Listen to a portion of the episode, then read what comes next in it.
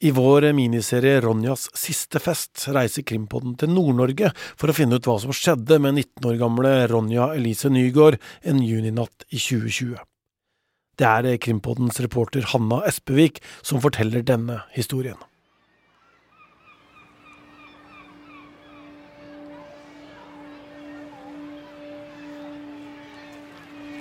Det er en lys juninatt i Berlevåg. Et lite tettsted som ligger så langt nord i Norge som du kommer. Denne lørdagskvelden virker det som at alle har tatt turen til bygdens eneste pub, Neptun. Det blir så bikke stille her på natta på sommeren. Så det var eh, helt vindstille og sol, og folk var ute til langt på morgenen. Det var eh, veldig, veldig veldig mye folk ute i Berlevåg den kvelden. Det var akkurat som hele Berlevåg drakk. Det var jo helt psycho. Mye folk da. De som var der den kvelden, forteller om en natt som aldri skulle ta slutt. Med skåling og mysing mot midnattssolen.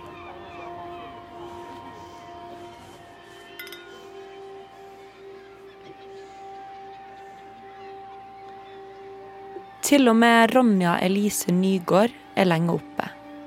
19-åringen har rettet ut det lange, blonde håret, og hun har på seg en leopardmønstret bluse med høy hals. Ronja er en sosial og populær jente, men hun er også kjent for å være den som går først hjem fra fest når det sosiale batteriet hennes er blitt tomt. Denne kvelden så blir hun derimot ute helt til puben stenger, før hun og kjæresten drar hjem sammen til leiligheten som de bor i. Men plutselig, noen timer senere, ringer kjæresten til både Ronja sine foreldre og til ambulansen. Ronja er blitt glovarm, og hjertet hennes slår veldig fort. Helsepersonellet som kommer til stedet, forstår kjapt alvoret, og helikopteret kommer i full fart. Legene tror at det må være snakk om dop. Det var sprit og dop og alt, så det flaut overalt. Og alle for bare frem og tilbake. Og noen tok linere, og noen drakk. og Det var en sånn, sånn Alle slengte på bordet det de hadde. ikke Tidligere den kvelden så har det vært en stor fest i bygden. Der det bare var mennene i bygden som var invitert. Nå står Ronja sitt liv i fare. Alle som kjenner Ronja, har samlet seg i det blå trehuset til Ronja sine foreldre. Det var roping og hyling og skriking i alle kanter, og folk forsvant i hele huset. Bestevenninnen til Ronja, Johanne, er forvirret. Hun har kommet til huset fordi hun har fått vite at noe er fryktelig gale, og hun har fått høre at det er noen som har dopet ned venninnen sin. Det var sikkert jeg som sa at Ronja hadde aldri tatt det sjøl. Jeg satt bare og kjeik rett frem i lufta. Jeg visste ikke hvor jeg skulle gjøre meg. Jeg skjønte ikke hva som var skjedd. Ronjas bror frykter det verste og slår knyttneven til blods i veggen. Klokken har akkurat passert ti om morgenen. Det er ingen av vennene som skjønner hva det er som kan ha skjedd. Venner og familie begynner å lage en liste over hvem av guttene som var til stede på festen med dopet. For hvem er det som kan ha dopet ned Ronja? På den trygge stampuben, der alle kjenner alle. Hva er det som har skjedd med Ronja?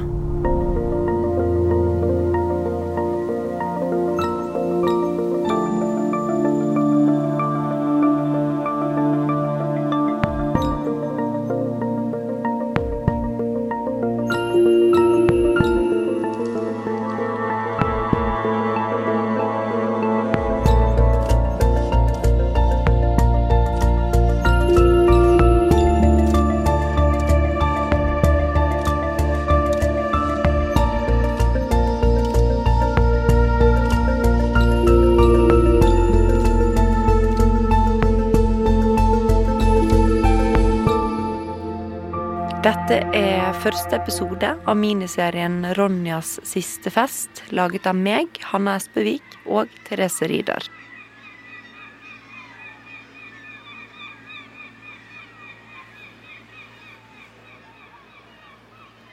I Berlevåg så bor det rundt 800 mennesker. der de fleste lever av fiske. Det er en liten kommune i Finnmark på grensen til Barentshavet. Her finnes det bare én barneskole, der det aldri er mer enn ti barn i hver klasse. Nærmeste vinmonopol det er over en times kjøretur unna, og bygdens første og eneste restaurant åpnet i fjor.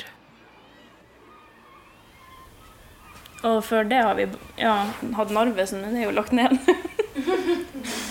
Så det går nedover her. Hun du hørte nå, heter Johanne og er født og oppvokst i Berlevåg. Vi møter Johanne sammen med en annen venninne av Ronja, som ikke ønsker å være med på Krimpodden, selv om latteren hennes innimellom sniker seg med på opptakene. Det jo også lyden av meldinger som Johanne får på Snapchat. Jeg, vi har jo, jeg og Ronja har jo gått i samme klasse hele livet, og så um, men vi ble ikke venner før i eh, fjerde klasse, og vi brukte å spøke med at jeg var hennes første venn, for det er ingen i klassen vår som husker henne før fjerde klasse. Hun var veldig anonym. Så da, plutselig i fjerde klasse, så fant vi veldig tonen. Og, og siden da har vi egentlig vært mm, veldig, veldig gode venner. Vi var med hverandre masse når vi var liten, og hun brukte å være med meg på hytta hytta, og vi å Vi spilte jo fotball i lag og badminton i lag. Um, ja, vi gjorde jo egentlig alt i lag. Så flytta vi til Kirkenes og gikk på videregående. Da gikk vi i samme klasse og pendla jo hjem nesten hver helg. Så vi har masse, masse timer i bil. Um, så vi har egentlig ja, kjent hverandre hele livet. Johanne det er bestevennen til Ronja. Eller én av bestevennene til Ronja. For Ronja hun har masse venner, og hun er veldig populær. At hun hadde så mange spesielle interesser. Hun gjorde så mye rart, men hun var så likende at hun hadde venner overalt, og alle likte henne. Ronja, jenten med langt, lyst, blondt hår. Det er nesten alltid strittet ut med rettetang, og hun elsker å sminke seg. Samtidig så spiller hun fotball på A-laget med guttene, og tar seg sjøl aldri høytidelig. Hun går ofte med crocs og onepiece, til tross for at det ikke har vært moderne i Berlevåg siden 2010. Kusinen hennes Natalie er kun ett år yngre enn Ronja. De to har alltid hatt god kontakt, og Natalie har sett opp til Ronja. Hun er ikke rolig, og hun var veldig livlig. Det var hun. Um, på utsida så, så hun kanskje ut som den skikkelig jålete, fisefine jenta, og så med en gang hun, man på en måte blir kjent med henne eller prater med henne, så så man at hun er mye mer enn bare det. Så hun var slett ikke den kanskje fisefine jenta man kanskje så for seg når man først møter på henne. Som man tenker. For hun hun var veldig pent kledd og ellers så superjentete ut. Både Johanne og Natalie var nærme Ronja og møtte henne ofte. Berlevåg har ikke mange ungdommer, og de som vokser opp her, forteller om et tett miljø der folk stort sett passer på hverandre. Etter at Ronja er ferdig med videregående i Kirkenes, så tar hun et friår og jobber på fiskebruk i Lerøy hjemme i Berlevåg. Dette året så blir hun sammen med sin nye kjæreste. En fem år eldre gutt fra hjembygda, som mange vet at hun har likt godt i mange år. Etter bare noen måneder så flytter de to sammen, omtrent samtidig med at koronaen kommer og landet stenger ned. Med gode karakterer fra videregående har Ronja søkt seg til økonomi og ledelse i Tromsø. Men først skal Ronja ha en skikkelig fin sommerferie sammen med kjæresten og vennene.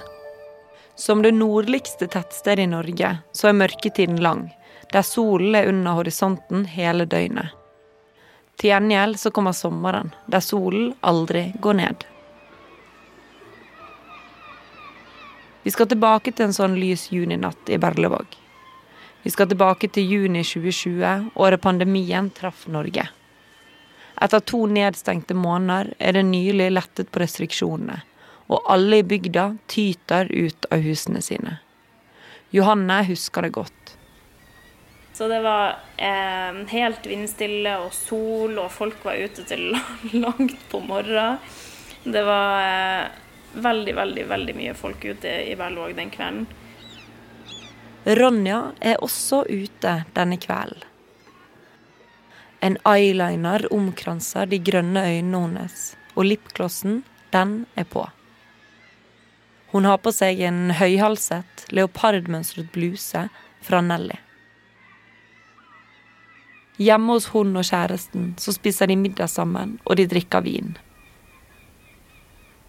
Ronja hun drikker også litt kaffe med Baileys i, for å ikke bli for trøtt for tidlig. Hun pleier nemlig ofte å være den første som drar hjem fra fest. Etter middagen med venner og kjæresten, så drar de sammen på bygdens eneste pub, Neptun. Det virker som at alle i hele bygden har tatt turen, og det er stappfullt både utenfor og inni. Neptun er en typisk brun pub med mørkt treverk, karaokestand og Jegermeisterskilt overalt. Ronja hun koser seg. Hun møter også kusinen sin, Natalie. Og da satt jeg allerede inne på puben med mine venner, og hun kom inn med sine. Når jeg så henne, så ropte jeg på henne. Hun kom bort til oss. Vi ga hverandre en klem. Hadde litt smalltalk. Og så bestemte mine venner seg for å dra videre på nach, mens jeg ble sittende igjen med henne.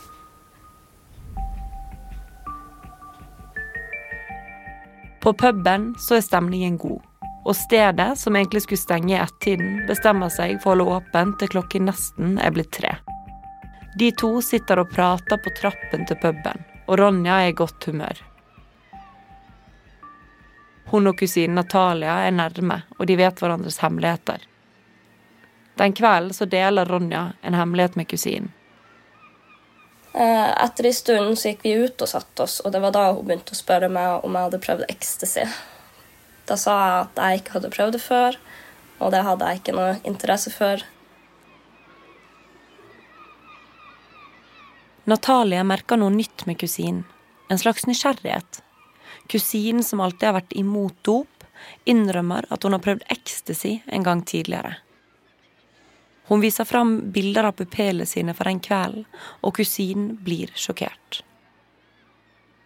Ronja er skuffet over seg sjøl, og de to snakker ut om det og blir enige om at dette skal ikke Ronja gjøre igjen. Kort tid etter det så endte jeg opp med å dra videre til der mine venner var på nach, mens hun ble igjen. Ronja blir på puben til det stenger, før hun drar hjem sammen med kjæresten og en felles kompis av de to. Kjæresten og Ronja bor sammen i en leilighet helt i utkanten av Berlevåg. I en grå tomannsbolig med utsikt over havet. Halv fem sender Ronja ut en snap til hele vennelisten sin med et filter som det står 'God morgen' på. Det var bare et bilde av henne sjøl, en selfie. På bildet så ser hun ut som hun gjorde tidligere den kvelden. Håret er fortsatt glattet rett, lipglossen er fortsatt på, og eyelineren er fortsatt i en helt perfekt bue over øynene. Og hun går fortsatt med leopardgenseren. Tre timer senere ringer samboeren til Ronja til ambulansen.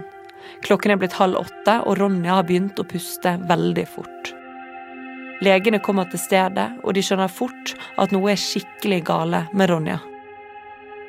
De begynner livreddende førstehjelp, men de forstår ikke symptomene. Hvorfor er hun så varm? De to guttene står sjokkerte over helsepersonellet, og forstår heller ikke hva som skjer.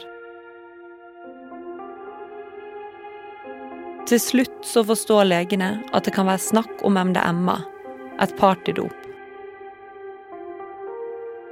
På den andre siden av bygden så ligger Ronjas foreldre, Hege og Glenn, og sover.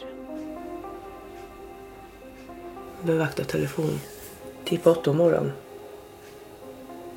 Så jeg har aldri lyd på telefonen. Det har bare vibrering. Og den vibrerte og vibrerte og vibrerte. Hva jeg tenkte hva er det for noe? Så jeg tar jo telefonen, da. Mammaen til Ronja, Hege, våkner brått av at kjæresten til Ronja ringer henne i full fortvilelse. Ronja, og Ronja blir sendt, og Ronja blir sendt. Dere må komme. Jeg skjønte ingenting. Sendt? Hvor skal? Ja, det må bli sendt, dere må komme. Hvor? Hjemme, hjemme, hjemme. Så det var bare å hoppe i klærne.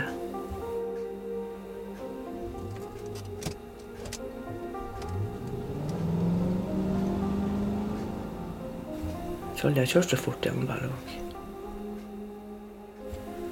Når vi kom, så kom helikopteret samtidig. Lyden av helikopteret overdøver alt.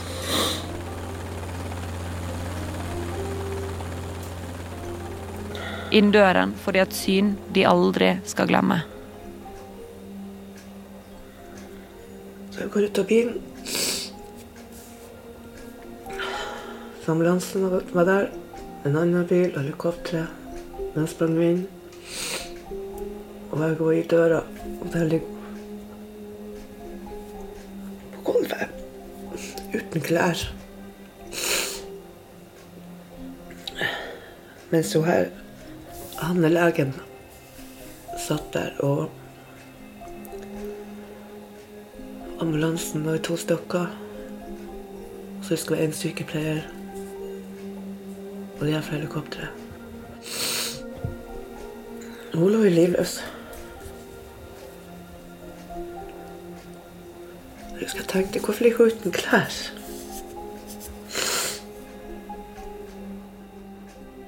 Leiligheten vitner om kaoset som har vært.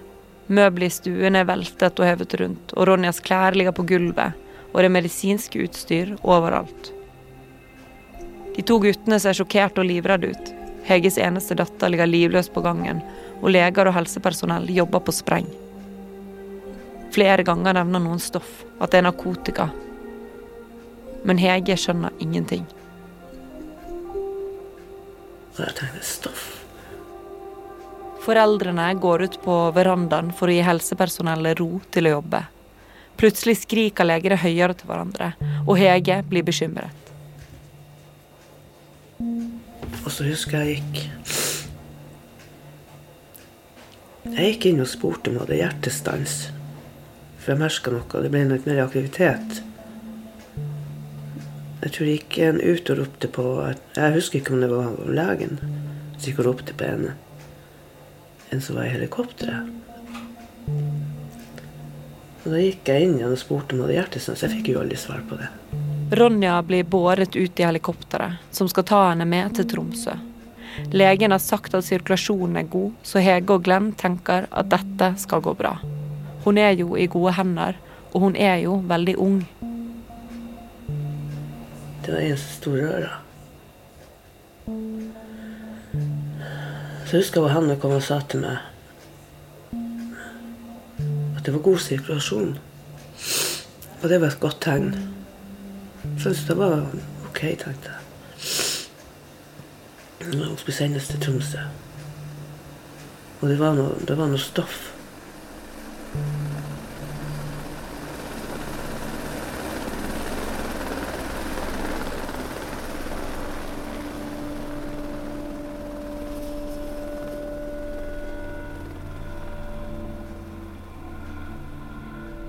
De står og ser på at helikopteret letter.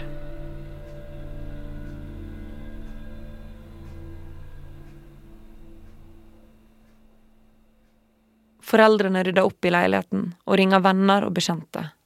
Så drar de tilbake til Ronja sitt barndomshjem, der alle samles. Jeg gikk og knuga på den telefonen. Og det var ungdom her utenfor huset når vi kom. Jeg tenkte jeg, jeg må ha kaffe. Jeg hadde ikke fått kaffe. Jeg ville ha kaffe. Og det var så fint og varmt vær ennå til det var den 7. juni. Så gikk jeg ut på verandaen, og det var fullt full kaos her med, med venner. Sant? Det var Og den telefonen kom jo aldri. Huset fylles opp av familie, naboer og gråtende ungdommer. I alle rom og ute på verandaen. Mamma Hege stirrer på telefonen, men det er ingen som ringer fra sykehuset i Tromsø. Tiden går, og huset blir fullere og fullere av mennesker.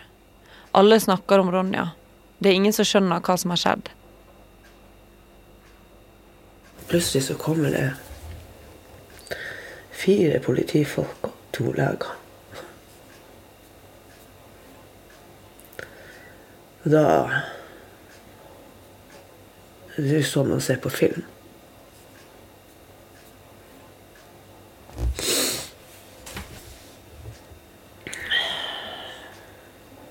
Da tror jeg alle naboene hørte meg.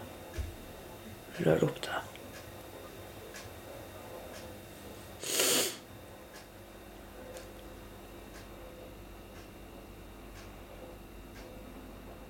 Ronja er død. Legene hadde gjort alt de kunne, men livet sto ikke til å redde. I dokumentene som VG har fått innsyn i, så kommer det fram at blodprøven som ble tatt av Ronja, viser 18 mikromol av MDMA. Dette betegnes som en ekstremt høy konsentrasjon, og er en dødelig mengde.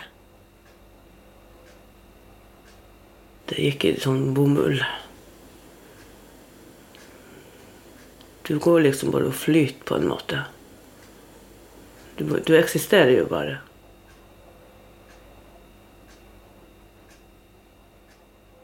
Hva er det som har skjedd med jenten som aldri tok dop?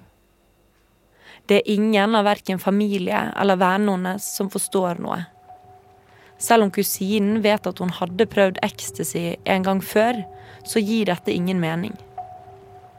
De to guttene som var med henne i leiligheten, sier at de heller ikke forstår hva det er som kan ha skjedd med Ronja. Bygdepraten begynner å gå, og ryktene sprer seg fort. De vet at det samme kveld var en fest med mye dop i Berlevåg, der det kun var menn som var invitert.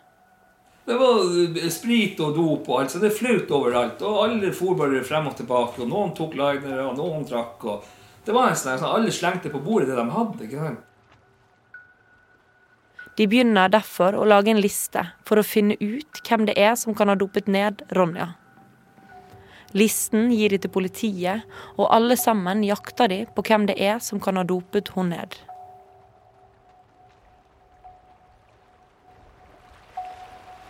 Så blir mammaen til Ronja ringt opp. Ronjas samboer har noe han er nødt til å fortelle. Ronjas mor, Hege, drar derfor for å møte han. Og der sa han det.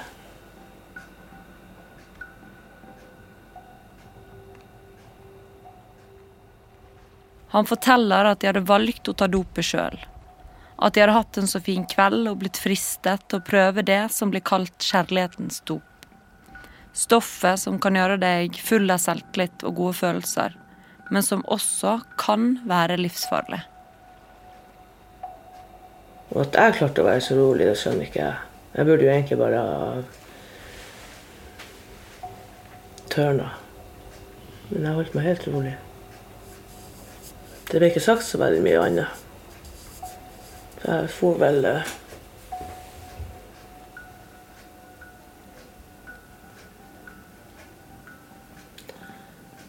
Og så snakka jeg bare litt med legen, og så for vel jeg hjem.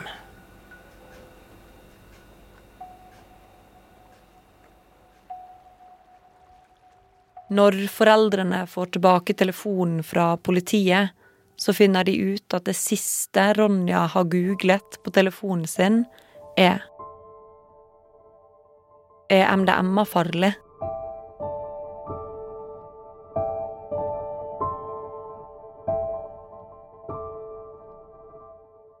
Det man får opp da, er akutt dødelighet, lav risiko. MDMA gjør brukeren tilfreds, rolig, empatisk, åpen og pratsom. Enkelte kan plutselig få høy feber samt alvorlige forgiftningsreaksjoner ved litt høyere doser, som de fleste andre ville kunne tatt uten noen problemer. Akkurat hva som skjedde når hun og de to guttene tok stoffet, det vet man ikke. Dødsårsaken antas å være forgiftning. Blodprøven viser hvor mye av stoffet som havnet i blodet hennes, men ikke hvor stor dosen hun tok, var. I politiavhøret innrømmer kjæresten til Ronja at det var han som hadde fått tak i stoffet. I avhøret, som Vegard får tilgang til, så får samboeren spørsmål om han kan beskrive Ronja. Til det så svarer han hun var bare helt vidunderlig elskbar. Verken han eller kompisen som var til stede i leiligheten den natten, ønsker å stille til intervju hos oss i VG. De har begge blitt forelagt det som kommer fram om de i denne podkasten. I Norge er det rundt fem narkotikadødsfall i uken, som er blant de høyeste tallene per innbygger i hele Europa. Året Ronja døde, var en topp for overdosedødsfall blant tenåringer i Norge. For venninnen Johanne så er det helt uforståelig at Ronja plutselig skulle bli en del av den statistikken. Og jeg tror det er da jeg har vært mest lei, mest lei meg gjennom hele prosessen, for at jeg ble så sjokkert over at Ronja hadde gjort det sjøl. Og man kjente henne liksom ikke igjen i det de sa. Um, og da blir det Det ble så veldig vanskelig å forstå når denne endringa skulle ha skjedd. For at jeg følte ikke at det var så lenge siden vi hadde prata om alt det her, og at vi var helt på samme, eh, samme tone. Og så plutselig så Altså raser jo hele det bildet sammen når man får vite at hun har faktisk gjort det en gang før. Foreldrene Hege og Glenn har hatt litt blandede følelser for datterens samboer, og sier at de også vet hvor jævlig han har hatt det. De har først og fremst rettet sinnet sitt mot en annen person. Han skulle i hvert fall ikke ha vært hjemme. Vært ute i det fri. For hvordan kommer MDMA seg helt opp til Norges nordligste tettsted, til lille Berlevåg? Bygdepraten begynner å gå. Alle visste ikke hvem han var, så det, det er en liten plass, og det, det ryktes fort. Foreldrene Hege og Glenn hørte fort hvem det var som hadde fått med dopet til Berlevåg den juninatten. Han skulle jo ha vært dømt for uaktsomt drap, mener jeg. Du blir jo det hvis du kjører, kjører noen i hjel. Du gjør jo ikke det med vilje, sant, men du blir jo dømt for Ikke er dømt til å jobbe i helsevesenet nå så lenge en peller til en som ønsker å dø. Ja. Man tar den sjøl, tar den frivillig. Da blir du dømt. Ja. Så det. det er jo noe galt med rettssystemet. Ja.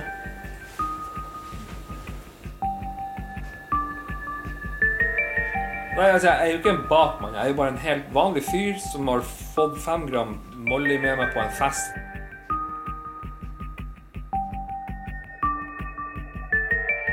I neste episode skal vi møte mannen som solgte dopet som Ronja senere døde av. En mann foreldrene ville ha dømt for uaktsomt drap av sin datter. Hvem er han, og hvilket liv er det han har levd?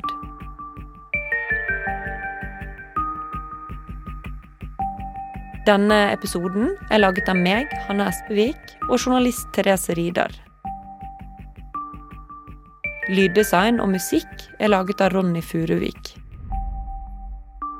Krimpordens redaksjon består også av Tor Erling Tømt Ruud, Ruth Einarvoll Nilsen og produsent Vilde Worren. Nyhetssjef er Emilie Halltorp.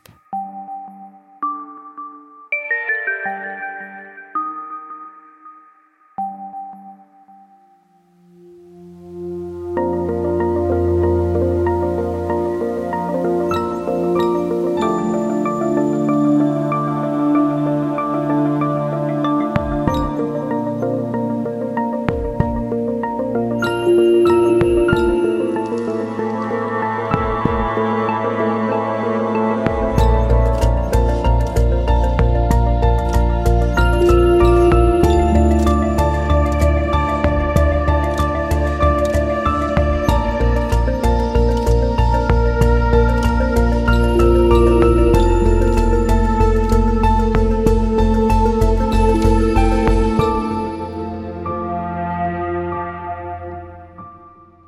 har hørt en podkast fra VG.